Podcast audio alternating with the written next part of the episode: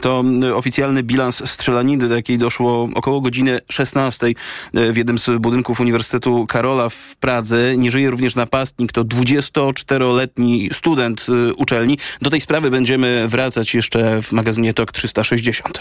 TOK 360. A z kolei rażącym łamaniem konstytucji prezydent Andrzej Duda nazywa działania ministra kultury i dziedzictwa narodowego wobec mediów publicznych. Bartłomiej Sienkiewicz wymienił wczoraj szefów telewizji publicznej, Polskiego Radia i Polskiej Agencji Prasowej. E, prezydent Andrzej Duda powiedział też w Radiu Z, że uchwałami nie można zastępować ustaw, a to właśnie, powołując się na wtorkową uchwałę Sejmu, dokonało zmian. Prezydent podsumował te działania. To jest anarchia. Co jest anarchią? Anarchią jest omijanie obowiązującego prawa w sytuacji, kiedy na gruncie obowiązujących przepisów konstytucji, mając większość w parlamencie, zmiana tego prawa jest w normalny sposób możliwa. A tej ustawy, o której rozmawiamy, nigdy nie kwestionowano. Dzisiaj te przepisy, które zostały w sposób rzetelny w parlamencie demokratyczny przyjęte, oni całkowicie omijają, nie wiem, udając, że ich nie ma. To jest, to jest bezprawie. Są też komentarze posłów partii rządzącej o tym, że że zmiany w TVP, no delikatnie mówiąc, prezydentowi się nie podobają. Tak mówi posłanka Koalicji Obywatelskiej Marta Wcisło. No, prezydentowi się nie podoba, bo on był, y, no niestety, y, udziałowcem tego całego spektaklu partyjnego i ten, tej narracji, no i broni swoich wcześniejszych decyzji i racji. Ubolewam na tym. A już dzisiaj o godzinie 19.30 zapowiedziane pierwsze wydanie nowego programu informacyjnego w telewizji polskiej, który zrealizuje z kolei nowa ekipa dziennikarzy mediów publicznych. E, na temat nowego otwarcia w mediach publicznych będziemy rozmawiać z członkiem obecnej Krajowej Rady Radiofonii i Telewizji, profesorem Tadeuszem Kowalskim. Ta rozmowa w TOK FM już niebawem.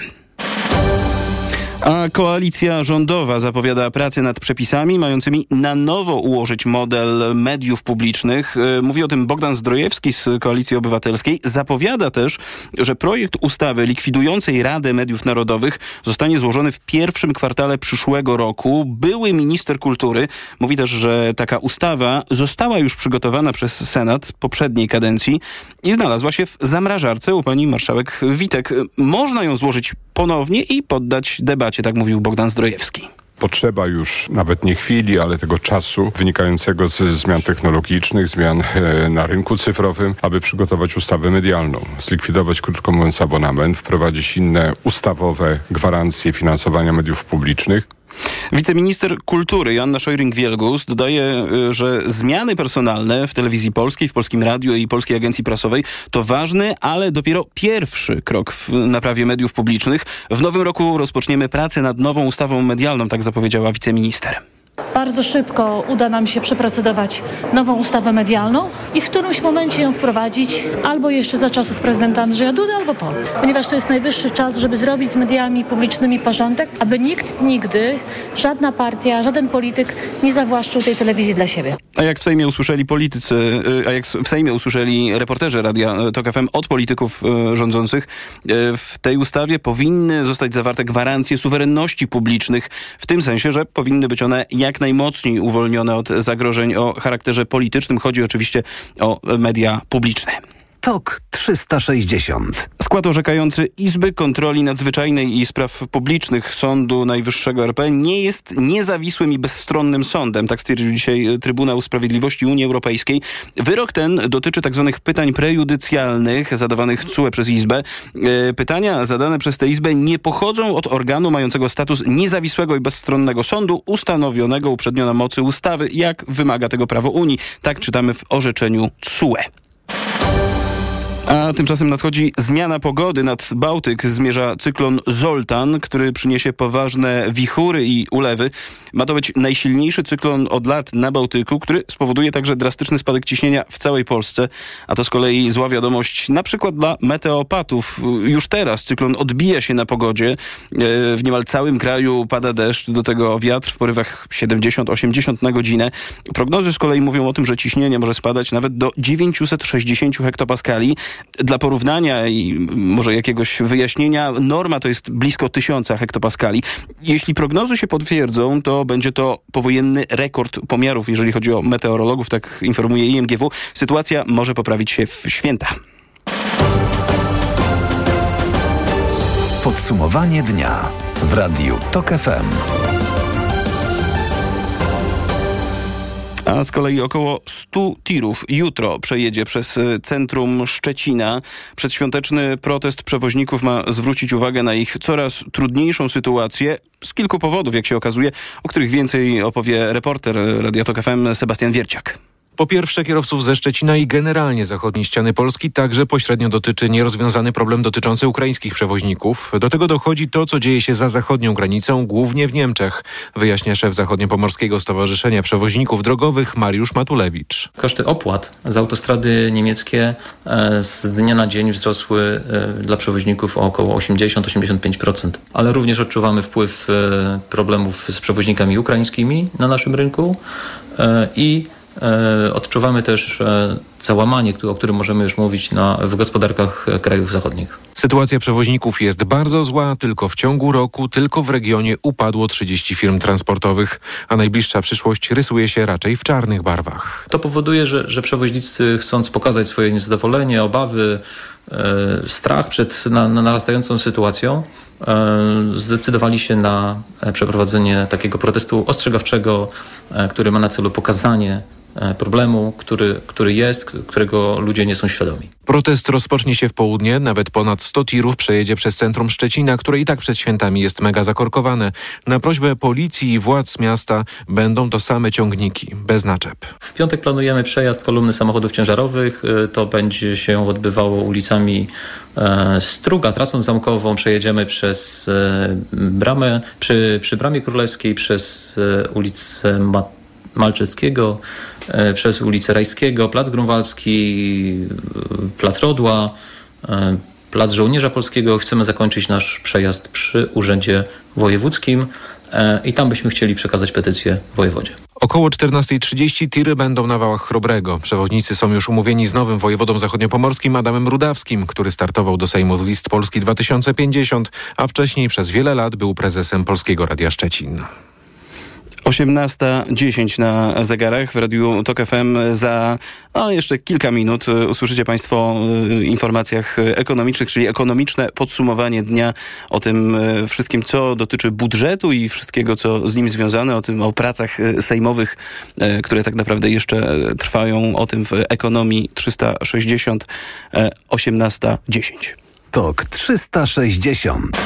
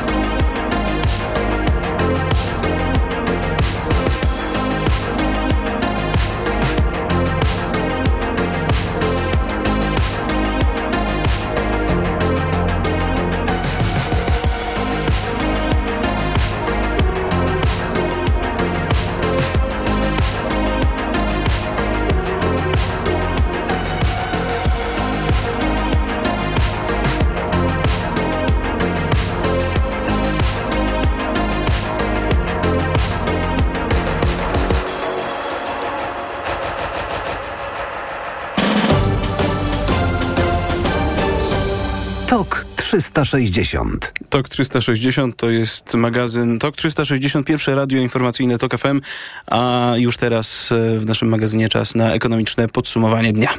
Na audycję zaprasza jej sponsor, operator sieci Play, oferujący rozwiązania dla biznesu. Play. Ekonomia 360. Wojciech Kowalik. W listopadzie na zakupach jeszcze nie pozwoliliśmy sobie na szaleństwa. Niestabilność i niepewność w gospodarce wciąż jest z nami, więc inflacja dalej zbiera żniwa. Sprzedaż detaliczna, a więc to, co zostawiamy w sklepach, w listopadzie znów spadła pod kreskę, choć niewiele, o 0,3%, ale ekonomiści spodziewali się jednak wzrostów.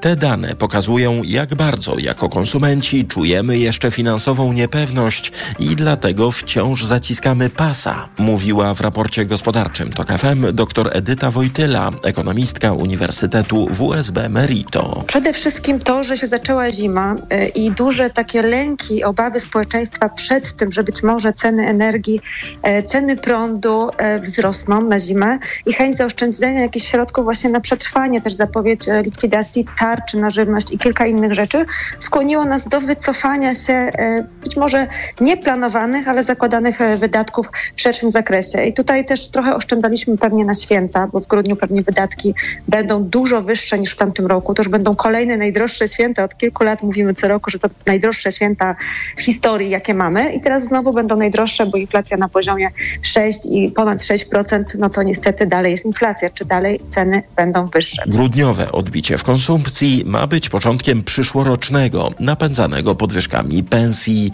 To z kolei ma pomóc całej gospodarce w wychodzeniu z tegorocznego dołka.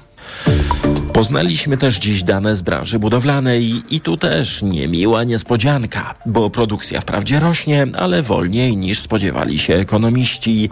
Z danych Głównego Urzędu Statystycznego wynika, że choć w listopadzie deweloperzy rozpoczęli o niemal połowę więcej budów niż rok temu, to wszystko wskazuje, że dobiegający końca rok będzie pod tym względem najgorszy od sześciu lat. Sejmie trwają pierwsze prace nad przyszłorocznym budżetem państwa. Budżet ten powstawał w wyjątkowych okolicznościach w ciągu czterech dni, podkreślał minister finansów Andrzej Domański.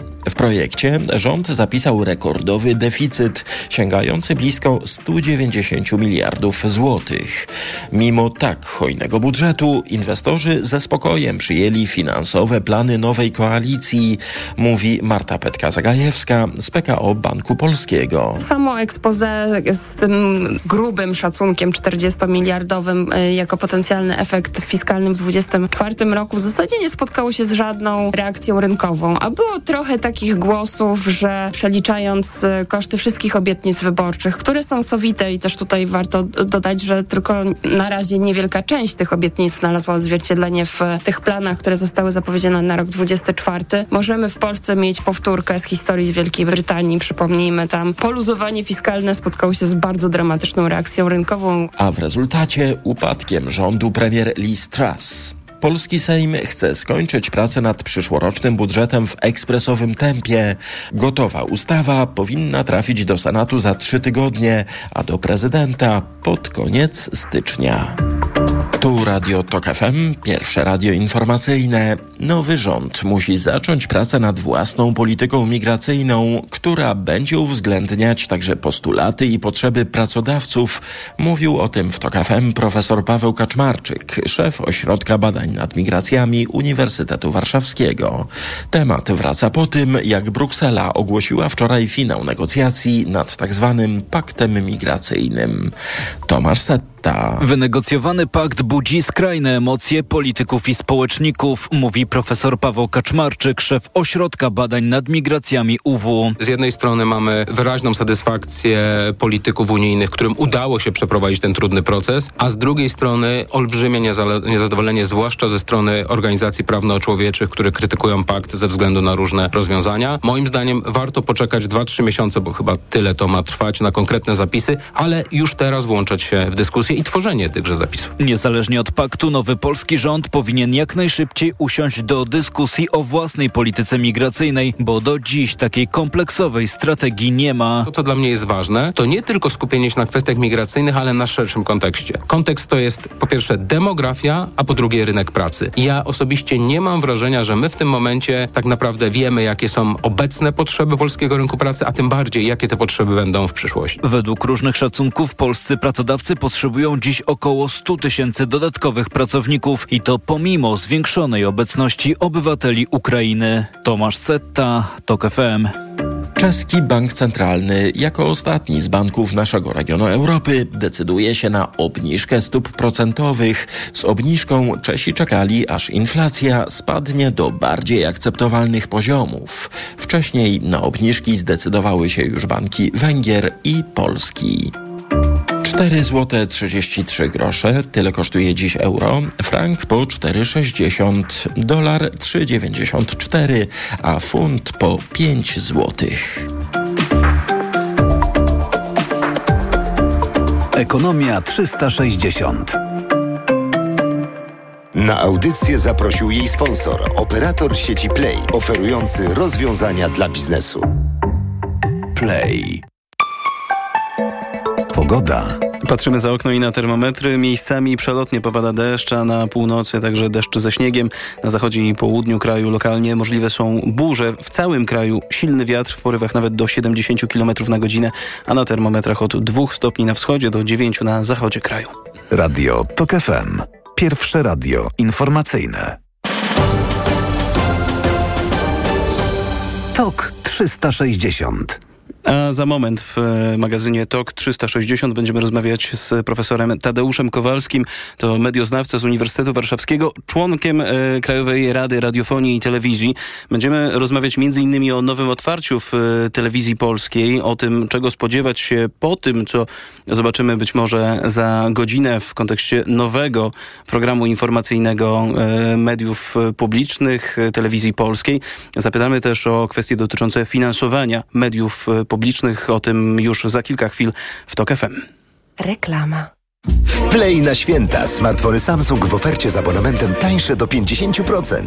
Zrób idealny prezent. Przejdź do Play i wybierz na przykład Samsung Galaxy S22. Szczegóły w salonach i na play.pl, bo w Play płacisz mniej. Play. Przepraszam, coś pani zgubiła. Mój magnes, bardzo dziękuję. Suplement diety Neomak Forte D3. Magnes. Może stąd to przyciąganie. Ja też biorę magnes. Sporo nas łączy. Łączy to Neomak Forte D3, dużą dawkę magnezu i aż 2000 jednostek witaminy D. Kosztuje 2 zł więcej niż Neomak Forte, a daje mi świetną odporność. Przekonała mnie pani. Zmieniam swój magnes na Neomak Forte D3. To może teraz ja przekonam panią, żebyśmy poszli na kawę. Chyba, że jest pani odporna również na mnie. Neomak Forte D3. Więcej niż magnes. Aflofarm. Marian, a Ania, wiesz, ta co w szkole uczy, pytała, gdzie najlepiej zrealizować bond dla nauczyciela na zakup laptopa. No jak to, Barbara? W Media Expert mają ponad 90 modeli laptopów dla nauczycieli i dodają prezent o wartości nawet 600 zł. Za złotówkę? No za złotówkę. A do tego to pewne i sprawdzone miejsce ze wszystkimi niezbędnymi gwarancjami.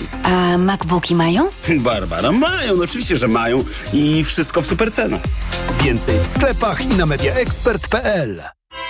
Świąteczne zakupy robię w Lidlu. Dla produktów i okazji, z którymi każde świętowanie będzie wyjątkowe. I już od czwartku. Szynka wieprzowa rzeźnik, cena przed obniżką 18,99, a teraz 9,99 za kilogram przy zakupie do 4 kg. A wszystkie słodycze marki Kinder, dwa opakowania plus jedno za jeden grosz. Miksuj dowolnie. Lidl. Wyjątkowe święta Bożego Narodzenia. Co można kupić za 40 groszy? Kostki czekolady, pół jajka albo dzienną porcję witamin i minerałów, bo tylko tyle kosztuje jedna tabletka ActiVitaminer Senior D3. Suplementy diety ActiVitaminer Senior D3 to witaminy i minerały wzbogacone aż o 2000 jednostek witaminy D3, tak potrzebnej jesienią i zimą. ActiVitaminer Senior D3 znajdziesz w swojej aptece w bardzo dobrej cenie. Witamina D pomaga w prawidłowym funkcjonowaniu układu odpornościowego. Aflofarm. Więcej na vitaminer.pl. Ej, patrzcie! Dokąd to Mikołaju? O Media Expert! Po prezenty! Do wszystkiego najtańszego! tańszego! Przeceny na święta w Media Expert. Na przykład smartwatch Huawei Watch Fit 2 Active. Najniższa cena z ostatnich 30 dni przed obniżką 599 zł 99 groszy. Teraz za jedyne 499. Z kodem rabatowym taniej o 100 zł. Reklama. TOK 360. A to podsumowanie dnia i magazyn TOK 360. Zamieszania wokół mediów publicznych ciąg dalszy. Prezydent Andrzej Duda twierdzi, że działania rządu przy przejęciu TVP to łamanie konstytucji. Używa tutaj nawet słowa anarchia. Nowa ekipa już pracuje. Z różnych stron pojawiają się komentarze dotyczące stylu tych zmian w telewizji polskiej. Tego, że są bardzo gwałtowne. Tego, że nie było być może innego wyjścia, że mogły być inne te wspomniane zmiany i tego, że mediów e, zapowiedziane przez e, obecny rząd, odpartyjnianie mediów publicznych, to coś, co wynika wprost z wyniku wyborów parlamentarnych. Takie głosy płyną ze strony rządu. Nie zmienia to jednak faktu, że na poziomie prawnym, przynajmniej na razie, nie ma salomonowego rozwiązania tej sprawy, a nam z perspektywy widzów e, pozostaje trochę obserwować, myślę, że swego rodzaju igrzyska. O tej sprawie rozmawiamy z profesorem Tadeuszem Kowalskim, członkiem Krajowej Rady Radiofonii i Telewizji. Dzień dobry. Dzień dobry panu i dzień dobry państwu. Panie profesorze, co pan myśli o, tych, o tym, co wydarzyło się w ciągu ostatnich kilkudziesięciu tak naprawdę godzin w telewizji polskiej, także z perspektywy y, tego, jaką rolę w tym procesie zajmuje, może zajmować, albo być może powinna zajmować Krajowa Rada Radiofonii i Telewizji? Dobrze, że pan o to pyta, ponieważ Krajowa Rada od czerwca 2016 roku jest praktycznie pozbawiona jakiegokolwiek wpływu na obsadę zarządów e, i rad nadzorczych mediów publicznych. E, tę kompetencję przypisano najpierw e, w sposób nienależyty ministrowi skarbu ówczesnemu, a potem Radzie Mediów Narodowych. A więc mogę wypowiadać się jedynie z pozycji troszeczkę nie będącego w tym procesie obserwatora. No myślę, że pewnie nie było innego wyjścia. Tutaj zastosowano przepisy kodeksu spółek handlowych, na co w jakiejś mierze zezwala ustawa o radiofonii i telewizji, mm, ale mm, wydaje mi się, że jest pewien powód, dla którego tak postąpiono. Otóż media publiczne w ostatnich latach e, permanentnie odnotowują e, bardzo wysokie poziomy deficytu, który dotychczas właściwie bez żadnych problemów był zasypywany pieniędzmi Skarbu Państwa, zresztą pochodzącymi częściowo z długu Skarbu Państwa, bonami skarbowymi. Na rok 24 telewizja polska zaplanowała prawie 2, e, ponad 2 miliardy, e, prawie 2,5 miliarda e, deficytu. No to jest jednak zjawisko, które musi niepokoić każdego, kto zarządza tego rodzaju aktywami. No tutaj przedstawicielem Skarbu Państwa jest minister kultury. Na dodatek jest to deficyt, który z roku na rok się pogłębia, czyli tu nie ma żadnych prób e, e, jakiejś restrukturyzacji firmy, nie ma jakichś prób oszczędzania.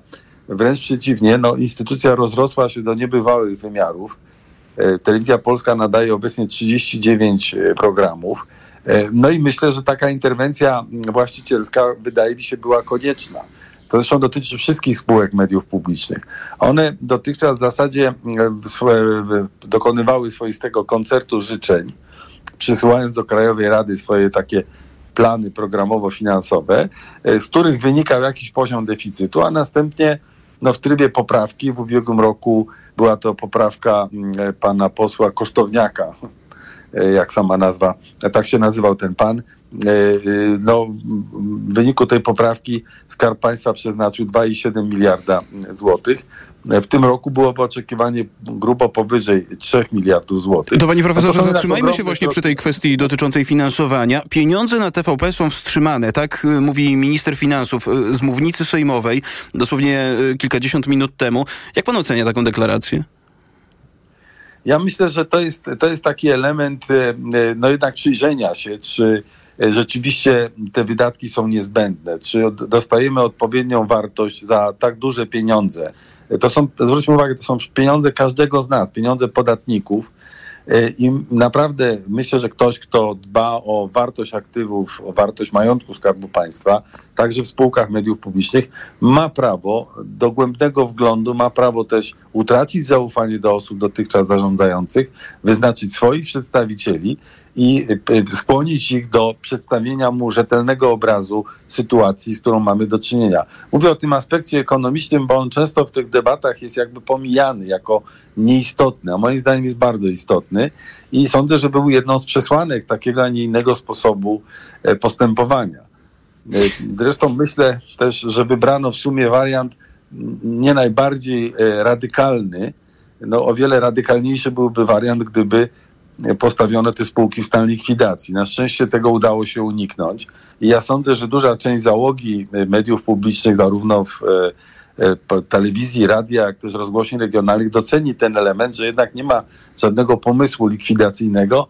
Raczej jest pomysł taki, żeby się przyjrzeć, czy rzeczywiście takie środki należy przeznaczać, ponieważ no, przyznam szczerze, my jako Krajowa Rada przyznajemy te środki, czyli rozdzielamy de, de, facto, czy pokrywamy te deficyty ze środków, które dostajemy do dyspozycji, no ale tutaj nie dokonuje się żadna głęboka analiza, jest to analiza na poziomie ilości, bez y, wnikania w jakość usługi, którą świadczą media publiczne. No i taka sytuacja wydaje się jednak na dłuższą metę nie do utrzymania. Przewodniczący Krajowej Rady Radiofonii i Telewizji y, stwierdził, że odwołanie zarządów i rad nadzorczych mediów publicznych przez ministra kultury i dziedzictwa narodowego jest rażącym naruszeniem prawa. Tak czytamy w jego oświadczeniu. Kilka minut temu y, mówi pan, że tak naprawdę Krajowa Rada Radiofonii i Telewizji w tej konkretnej sprawie ma związane ręce i wynika to wprost z przepisów. No to w takim razie czemu mają służyć takie oświadczenia.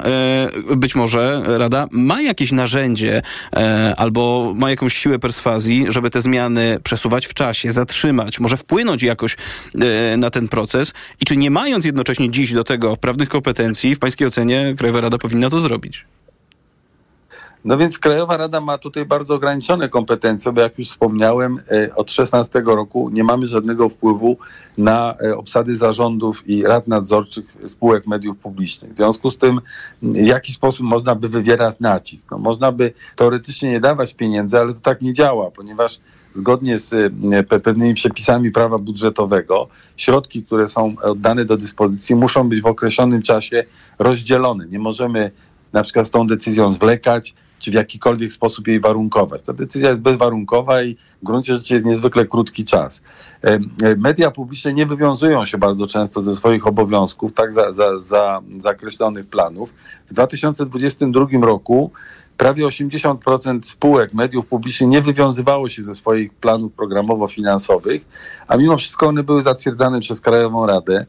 Niektóre miały dosyć znaczne odchylenia od założeń programowych i cały czas to było akceptowane. No ten stan wydaje się nie do utrzymania. Musimy jakby postawić to na trochę, na trochę innych warunkach.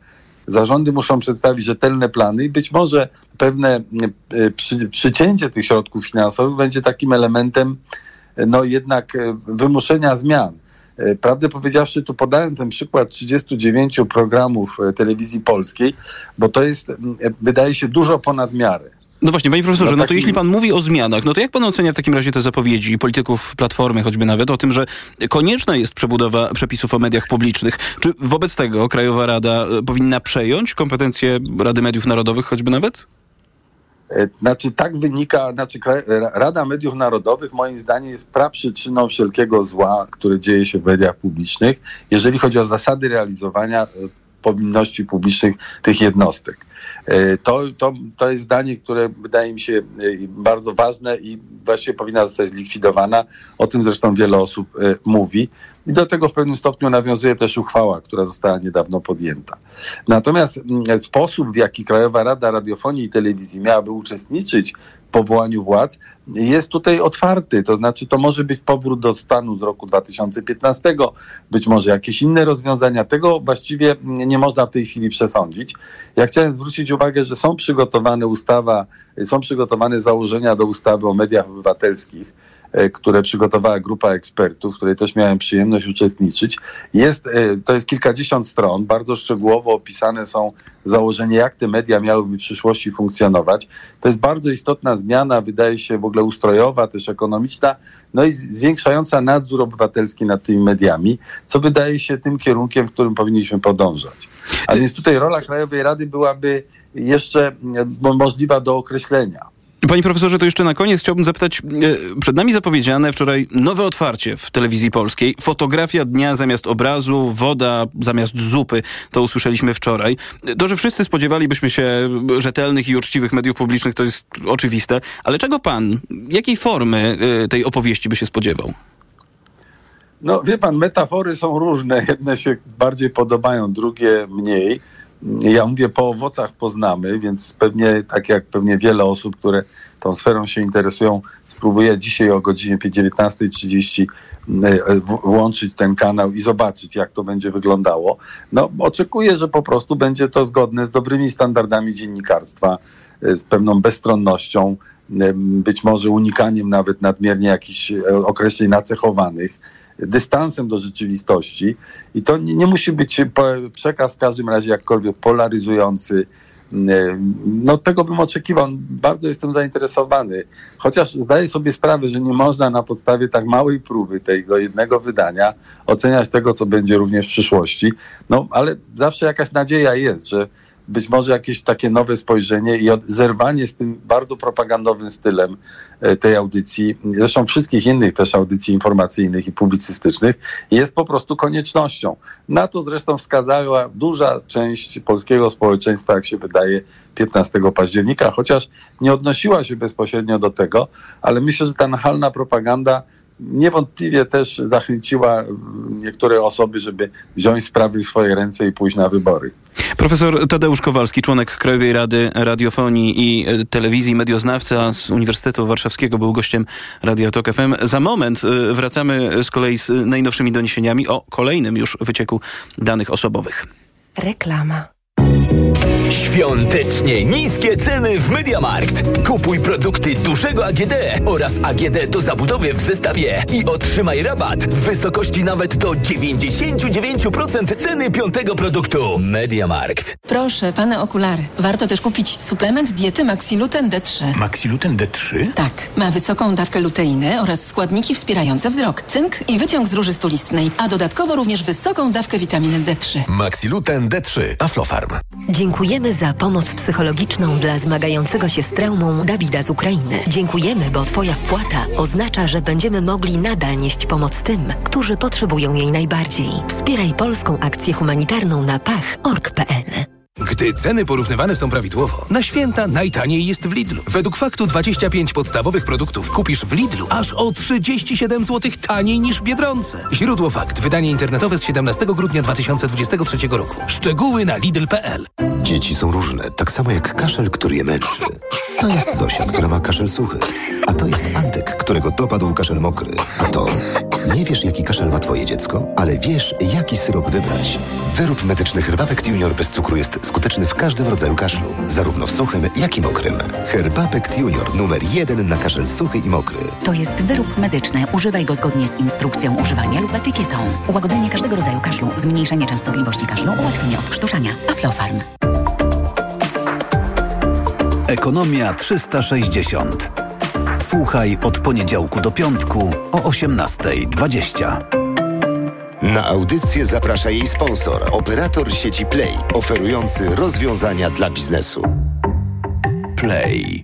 Problemy ze snem dotykają coraz więcej osób, nie tylko tych starszych. Dlatego warto umieć sobie z nimi radzić. Tabletki Positivum Sen zawierają melatoninę oraz naturalne składniki, które ułatwiają zasypianie oraz pomagają przespać całą noc bez wybudzeń. Zawarta w suplemencie diety Positivum Sen melatonina ułatwia szybsze zasypianie, a wyciągi z ziela melisy i szyszek chmielu pomagają zachować spokojny i zdrowy sen. Positivum Sen. Oszczędź sobie nieprzespanych nocy. Polecam. Ewa Gawryluk. Aflofarm.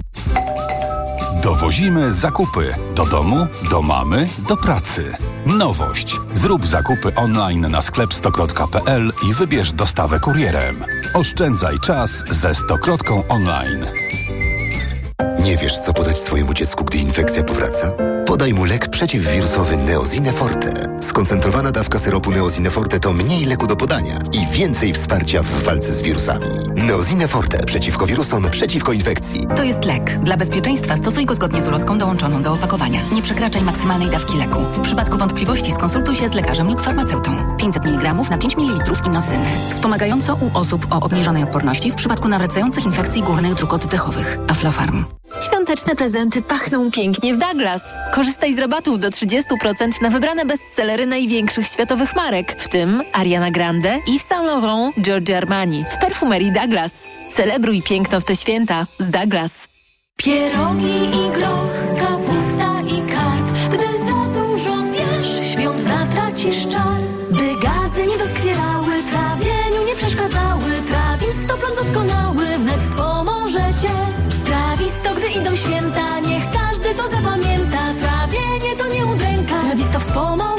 Trawisto to suplement diety, który zawiera składniki takie jak wyciąg z mięty pieprzowej, ostryżu długiego i ekstrakt z owoców kopru, który wspomaga trawienie. Trawisto. I trawisz to. Aflofarm. Reklama. TOK 360. A teraz w magazynie TOK 360 o e, ataku hakerów, o e, wycieku danych, wrażliwych danych. Doszło do kolejnego wycieku danych wykradzionych z firmy ALAB, czyli ogólnopolskiej sieci laboratoriów diagnostycznych. O tym informuje portal niebezpiecznik.pl. Tym razem e, łupem hakerów padły dane pracowników i współpracowników tej sieci. Dodajmy, to jest kolejny już taki wyciek danych. Przestępcy zapowiadali, że więcej danych ujawnią dopiero 31 grudnia, no ale wygląda na to, że zdecydowali się na mm, publikację nieco wcześniej. O tym e, teraz będziemy w TOK FM rozmawiać. A z nami doktor Paweł Litwiński, prawnik specjalista w dziedzinie ochrony danych osobowych. Dzień dobry. Dzień dobry. To powiedzmy najpierw o tym, czy te upublicznione dane, e, które znajdują się w sieci, oznaczają zagrożenie dla poszkodowanych osób, które są tym objęte. To znaczy, te osoby muszą wszystko zablokować, mają powody do obaw, pańskim zdaniem? E, Spróbujmy sobie uporządkować tutaj pewne kwestie. Z jednej strony, przynajmniej według mojej wiedzy, to jeden z największych wycieków danych dotyczących zdrowia w ogóle, z jakim do tej pory mieliśmy do czynienia, a na pewno największy tego typu wyciek danych osobowych w Polsce. Jak kraj długi i szeroki, ja nie pamiętam tego typu sytuacji. Natomiast jednocześnie to nie jest tak, że powinniśmy się tutaj e, dać, ponieść jakiejś panice, blokować karty, zastrzegać dowody i wykupywać nie wiadomo jakie abonamenty w nie wiadomo jakich płatnych usługach. Nie. Dlaczego? Dlatego, że akurat w kontekście Alabu to, co jest najbardziej istotne, to wyciek danych dotyczących zdrowia. Jeżeli mówimy o tym wycieku, to musimy zdać sobie sprawę, że tam wyciekły dane, dane w zakresie takim jak imiona, nazwiska, numery PESEL, być może jeszcze jakieś informacje typu adresowe na przykład i wyniki badań. To jest ten najbardziej istotny zakres danych, wyniki badań laboratoryjnych. E, Jeżeli mówimy o tych danych identyfikujących, typu imię, nazwisko, PESEL, to akurat ten zakres danych nie jest jakiś najbardziej, e, najbardziej ryzykowny. Z praktyki można powiedzieć, że największe ryzyko powstaje wtedy, jeżeli wyciekają też informacje dotyczące dowodu osobistego. No tutaj przynajmniej z tej powszechnej wiedzy takiej sytuacji nie mieliśmy. Z taką sytuacją nie mieliśmy do czynienia. Więc ja bym jednak sugerował, żeby się nie dać ponieść fali paniki, nie zastrzegać, blokować wszystkiego, co się da. Oczywiście zachować e, ostrożność, zwłaszcza teraz przed świętami, kiedy ja dostaję kilkadziesiąt dziennie prób e, phishingu i wyłudzenia danych na maile, o SMS-ach czy innych WhatsAppach nie mówiąc. E, Natomiast rzeczywistym zagrożeniem są dane dotyczące zdrowia, bo nagle się może okazać, że coś, co, mm, czego nie chcieliśmy powiedzieć na temat naszego stanu zdrowia, nagle ktoś jest na przykład w stanie zestawić numer PESEL, który zna powiedzmy z innego wycieku danych, albo z KRS-u, gdzie on jest jawny przecież, z Krajowego Rejestru Sądowego i nagle na przykład y, będziemy mieli problem właśnie na tym, y, na tym tle danych dotyczących zdrowia. A czy pańskim zdaniem możliwe jest, by oszacować, ile w dużym cudzysłowie oczywiście takie dane są warte, którymi dysponują hakerzy? No bo oczywiście inną rzeczą jest przemoc, czyli chęć okupu w zamian za zaprzestanie publikacji tych danych, no ale y, być może inną rzeczą jest to, że te dane są pewnego rodzaju walutą, więc komuś może zależeć na takich danych i czy jednocześnie możliwe jest legalne ich przejęcie, jeżeli one są dostępne publicznie w internecie, na przykład właśnie do celów komercyjnych? Mm, jeżeli mówimy o danych dotyczących zdrowia, to legalne ich wykorzystanie jako danych publicznie dostępnych możliwe jest tylko wtedy, jeżeli ta osoba, której te dane dotyczą, sama je opublikuje. Czyli na przykład e, e przysłowiowy Kowalski wrzuca na przysłowiowego Facebooka swoje zdjęcie z norą w gipsie. Jeżeli zrobił to ten rzeczony Kowalski, no to wszyscy inni mogą z tych danych skorzystać, bo on sam, ta osoba, której dane dotyczą, te dane ujawniła. Natomiast jeżeli ujawnił je kto inny, niecny haker albo inny przestępca, no to oczywiście takiej sytuacji nie mamy. Tych danych nie można wykorzystać zgodnie mm, zgodnie z prawem, prawda? I tu dochodzimy do sedna. No, wyobraźmy sobie sytuację, w której na przykład wyciekają dane osobowe o wynikach badań, o stanie zdrowia jakiegoś celebryty albo jakiegoś polityka. Przy tej skali wycieku, który mamy z Alabu, Myślę, że to jest kwestia statystyki i prawdopodobieństwa, że tam się pojawią osoby, które mm, no, należą do tych osób publicznie znanych, za których dane, za których prywatność no, są w stanie pewne media czy pewne grupy zapłacić całkiem realne pieniądze. I właśnie to jest to zagrożenie, o którym mówię. Zagrożenie jeszcze... dla na, ogromne zagrożenie dla naszej prywatności. I tak. jeszcze, jeszcze na koniec w takim razie chciałbym zapytać o kwestię dotyczącą tego, że przecież trwa śledztwo prokuratury w sprawie pierwszego wycieku. Być może sieć laboratoriów zostanie nawet e, karę finansową. O problemie wiemy, e, to czy organy państwowe mogą cokolwiek zrobić, żeby już teraz, wiedząc o tej sprawie, uchronić obywateli, pracowników, poszkodowanych? E, tutaj atak za atakiem, a nadal nie mamy nowego szefa Urzędu Ochrony Danych Osobowych. Panie redaktorze, to jest ciągle ten sam atak. To, te dane zostały wykradzione jakiś czas temu i w tym momencie paczka po paczce, kropla po kropli, ci, którzy je wykradli, je ujawniają. Więc to nie jest tak, że te dane ciekną ciągle z tego alabu. Nie, one zostały w którymś momencie wy, wyciągnięte, mówiąc bardzo kolokwialnie, e, z sieci z systemu Alabu i w tym momencie przestępcy, którzy nie dostali okupu od Alabu, je dostają, y, je ujawniają, przepraszam. Co państwo z tym może zrobić? No państwo po pierwsze daje nam możliwość sprawdzenia, czy jesteśmy y, wśród poszkodowanych. W serwisie gov.pl możemy sobie sprawdzić, y, wpisując tam swoje dane osobowe, czy jesteśmy wśród osób poszkodowanych, czy nie. Radzę to zrobić, jeżeli korzystaliśmy z usług Alabu, bo będziemy wiedzieli zero-jedynkowo, czy jesteśmy poszkodowani, czy nie. Natomiast pytanie o to, czy państwo jest Ostatnie w stanie zdanie. w jakiś sposób przejąć te dane, to już jest pytanie raczej do służb, czy one są w stanie po prostu wpłynąć na te osoby i im tę bazę, mówiąc kolokwialnie, zablokować. Dr Paweł Litwiński, prawnik, specjalista w dziedzinie ochrony danych osobowych, był gościem magazynu TOK 360. Za moment y, decyzję CUE w sprawie y, piłkarskiej Superligi. TOK 360. Wracamy do Państwa z zapowiadaną już wcześniej rozmową na temat e, dzisiejszej decyzji Trybunału Sprawiedliwości Unii Europejskiej, który to stwierdził, że UEFA i FIFA złamały prawo, a praktyki wobec e, klubów, które chciały przystąpić do Superligi, e, były po prostu bezprawne. Sportowe media piszą jednocześnie o klęsce UEFA i FIFA, ale najpierw trochę te sprawy uporządkujmy. Pomoże nam w tym y, Mieszko Rajkiewicz, analityk do spraw relacji sportu i polityki, Wydział Nauk Politycznych Studiów Międzynarodowych y, Uniwersytetu Warszawskiego. Dzień dobry. Dzień dobry, kłaniam się. To wyjaśnijmy najpierw, czym jest albo czym ma być Superliga y, i dlaczego gigantom FIFA i UEFA z Superligą, no jak widać, nie jest po drodze. Superliga ma być projektem rozgrywek klubowych na europejskim szczeblu, ktoś zada pytanie, czym te rozgrywki różnią się od e, e, na przykład Ligi Mistrzów UEFA. Ano tym, że to kluby same zarządzają tymi rozgrywkami, więc tak naprawdę UEFA jest w tym modelu, który istnieje obecnie, pośrednikiem, bo to kluby grają w piłkę, to kluby na swoich stadionach rozgrywają te mecze, to one generują zainteresowanie, one generują przychód, natomiast UEFA inkasuje e, wszystkie korzyści materialne i nie tylko, więc nowy projekt e, Superligi, znaczy on nowy w cudzysłowie, bo pomysły już od kilkunastu lat e, pojawiały się w Europie. Natomiast Superliga pozbywa się tego pośrednika. W tym przypadku UEFA. To kluby mają zarządzać swoimi rozgrywkami i to one mają stuprocentowo dzielić zysk między siebie. I to jest gigantyczny kłopot dla UEFA.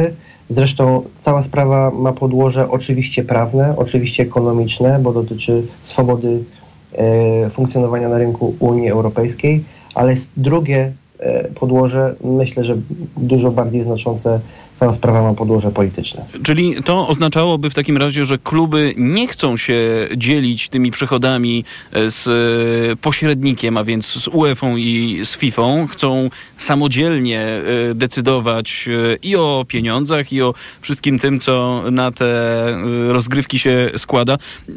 Tak sobie to wyobrażam. Jeżeli, jeżeli tak jest, to, to o tym powiedzmy. Ale jeśli mówimy o tym, że mamy przełomowy dzień, że ta decyzja CUE jest przełomowa, no to jak miałby wyglądać teraz e, ten układ w europejskich e, rozgrywkach, te zmiany, e, które Superliga nam w jakiś sposób chyba obiecuje?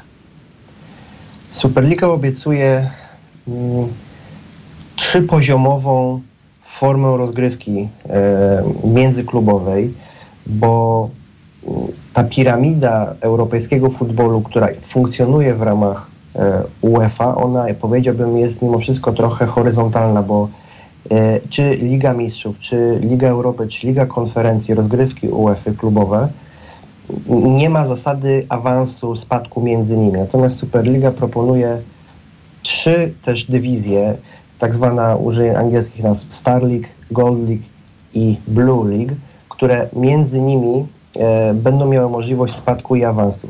Pierwszy poziom, ten najwyższy, ta Liga e, Gwiezdna, tak to nazwijmy, ta Superliga, 16 drużyn, dwie grupy po 8 zespołów. Drugi szczebel, Złota Liga, też 16 drużyn, dwie grupy po 8 zespołów. I najniższy szczebel, ten trzeci, ta niebieska liga, 32 zespoły, cztery grupy po 8 zespołów. I przy tym się to zatrzymajmy. Oznacza... To znaczy, czy to mhm. pańskim zdaniem oznaczałoby, że te rozgrywki byłyby bardziej sprawiedliwe, byłyby bardziej dostępne dla e, klubów nieco słabszych albo gotowe promować któreś konkretne kluby? Ciężko teraz powiedzieć. W samym swoim założeniu na początku UEFA, y, Superliga, przepraszam, była zamkniętą, zabetonowaną ligą bez awansów, bez spadków, y, ligą e, elitarną. Teoretycznie ten model pozwala e, na przykład polskiemu klubowi, który z poziomu ligi krajowej dostaje się do niebieskiej ligi, potem e, zajmuje czołowe dwie lokaty w swojej grupie i awansuje do złotej ligi, by za chwilę znowu awansować do ligi tej gwiezdnej to oznacza, że czysto teoretycznie jest taka możliwość. W praktyce jednak możemy się domyślać, że ze sportowego punktu widzenia będzie to bardzo trudne. Natomiast to nie jest tak, że tylko najbogatsze te kluby, te elitarne będą między siebie dzieliły zyski, bo wszystkie 64 zespoły podzielą zyski między siebie. Nie jest na razie wiadomo, w jaki sposób to będzie podzielone, ale w jaki sposób na pewno. Zakładam, że zwycięstwo oczywiście dostanie największy procent, natomiast każdy klub otrzyma. No i teraz zadaniem Superligi jest to, żeby wygenerować maksymalny przychód dla e, tego projektu i tutaj, i tutaj jest szansa, ponieważ UEFA też oczywiście w cudzysłowie powiedziałbym sprawiedliwie dzieli e, swoje e, przychody z tytułu rozgrywek europejskich między uczestników tychże rozgrywek, no natomiast sporą jednak część zostawia sobie. To, y, no to jest oczywiste z punktu widzenia klubów, które stoją za tym projektem, czyli Real Madrid, Barcelona, Juventus i pozostałe dziewięć klubów, które się podpisały pod tym projektem w kwietniu 2021 roku, że e, jednak nie chcą tego pośrednika. I, wspomniał pan wcześniej, wspomniał pan wcześniej o polityce, o tym, że ona tak naprawdę leży u e, podnóża tej e, dzisiejszej decyzji i, i, i, tych zmian. E, to czy to jest też wstęp do tego, żeby do grona najlepszych drużyn świata, których zagłębie przecież mamy w Europie, dołączały kluby z USA, Arabii Saudyjskiej. Powiedzieliśmy wcześniej, że Superliga miałaby się też skupić na maksymalizacji zysku. Na pewno w dłuższej perspektywie czasowej taka globalna Superliga jest jakimś pomysłem w głowie, no przede wszystkim Florentino Pereza, który stoi za ca całą tą, tym przedsięwzięciem. On jest lokomotywą tego przedsięwzięcia. Globalna Superliga to jest perspektywa wieloletnia. Myślę, że na pewno spokojnie ponad kilka ładnych 8-10 lat. By the way, taki pomysł już istnieje i FIFA swoje klubowe Mistrzostwa Świata trochę na bazie takiej Superligi już proponuje i teoretycznie klubowe Mistrzostwa Świata w 2025 z 24 drużynami z wszystkich kontynentów no, są taką formą Superligi, więc FIFA już takie e, formaty organizuje. Zresztą FIFA przyzwala na taki format e, w Afryce. W Europie jest to zakazane, e, FIFA się burzy, natomiast w Afryce sama podpisuje się pod takim projektem, bo Superliga Afrykańska de facto funkcjonuje. Ona jeszcze jest e, w swoim pierwszym sezonie, ale, ale działa. To pokazuje, że jest przyzwolenie na ten model zarządzania rozgrywkami, natomiast nie ma zgody politycznej i ja jakby wyjaśnię, dlaczego politycznie jest to umocowana mocno sprawa, ponieważ przed Trybunałem Sprawiedliwości Unii Europejskiej UEFA i FIFA miały bardzo szeroką koalicję, e, również podmiotów czy organów, które teoretycznie nie są stroną tego jakby sporu, bo po stronie UEFA i FIFA stanęła Komisja Europejska, Parlament Europejski wyraził swoje oburzenie i poparcie dla UEFA, przedstawiciele 21 państw członkowskich e, byli, e, byli również po stronie i nadal są po stronie UEFA i to lobby na korzyść UEFA było bardzo mocne. Zresztą nawet sprzed godziny czy sprzed dwóch, y, jak rozmawiamy, a będzie dużo wiadomości się na pewno jeszcze pojawiało, rząd brytyjski już zapowiedział czysto teoretycznie, że zakaże e, angielskim klubom dołączania do, do tego projektu, co jest no, w mojej opinii no, oburzające, no bo jak można podmiotowi gospodarczemu, jakim też jest klub piłkarski, zabronić funkcjonowania na zagranicznych rynkach. No, ja sobie tego nie wyobrażam. Mieszko Rajkiewicz, analityk do spraw relacji sportu i polityki Uniwersytet Warszawski. Bardzo dziękuję za tę rozmowę. Za moment w TOK FM informacja, a potem Sport 360. Reklama. Znowu dopadła Ci infekcja i nie wiesz co robić? Kluczowe jest działanie na przyczynę choroby. Dlatego weź lek przeciwwirusowy Neozine Forte. Tabletki Neozine Forte pomagają zwalczać wirusy i wspierają odporność. Neozine Forte przeciwko wirusom, przeciwko infekcji. To jest lek. Dla bezpieczeństwa stosuj go zgodnie z ulotką dołączoną do opakowania. Nie przekraczaj maksymalnej dawki leku. W przypadku wątpliwości skonsultuj się z lekarzem lub farmaceutą. 1000 mg inozyny. Wspomagająco u osób o obniżonej odporności w przypadku nawracających infekcji górnych dróg oddechowych. Aflofarm. Kiedy prowadzisz firmę, wiesz, że liczy się każda złotówka. A kiedy możesz zyskać nawet 2450 zł, wiesz, że czekają na Ciebie świąteczne prezenty od Orange dla firm. Tablet i drugi smartfon za złotówkę oraz abonament na Orange Światłowód w prezencie przez pół roku. Zapraszamy do salonów i na orange.pl. Teraz masz 2450 powodów. Orange dla firm. Dobrego jutra. Cześć, tu moja automatyczna sekretarka. Teraz nie mogę rozmawiać, bo smacznie śpię. A to dlatego, że wieczorem biorę suplement diety Valerin Sen. Tabletki Valerin Sen o naturalnym składzie ułatwiają mi zasypianie i wspomagają spokojny sen bez wybudzeń przez całą noc. Odzwonię rano, kiedy wstanę wyspana i wypoczęta. Dobranoc. Wyciąg z ziela melisy wspomaga odprężenie. Wyciąg z szyszek chmielu wspiera utrzymanie zdrowego snu. Valerin Sen. Zdrowa dawka.